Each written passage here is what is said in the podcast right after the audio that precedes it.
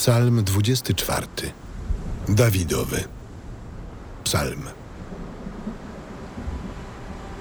Do Pana należy ziemia i to, co ją napełnia, świat jego mieszkańcy. Albowiem On go na morzach osadził i utwierdził ponad rzekami. Kto wstąpi na górę Pana? Kto stanie w Jego świętym miejscu? Człowiek o rękach nieskalanych i o czystym sercu, który nie skłonił swej duszy ku marnościom i nie przysięgał fałszywie. Taki otrzyma błogosławieństwo od Pana i zapłatę od Boga, Zbawiciela swego. Takie jest pokolenie tych, co Go szukają, co szukają oblicza Boga Jakubowego.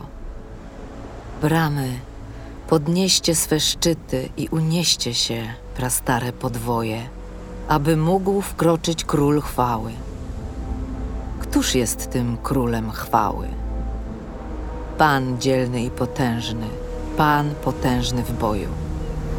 Bramy, podnieście swe szczyty i unieście się, prastare podwoje, aby mógł wkroczyć król chwały. Któż jest tym królem chwały? To Pan zastępów, On sam królem chwały.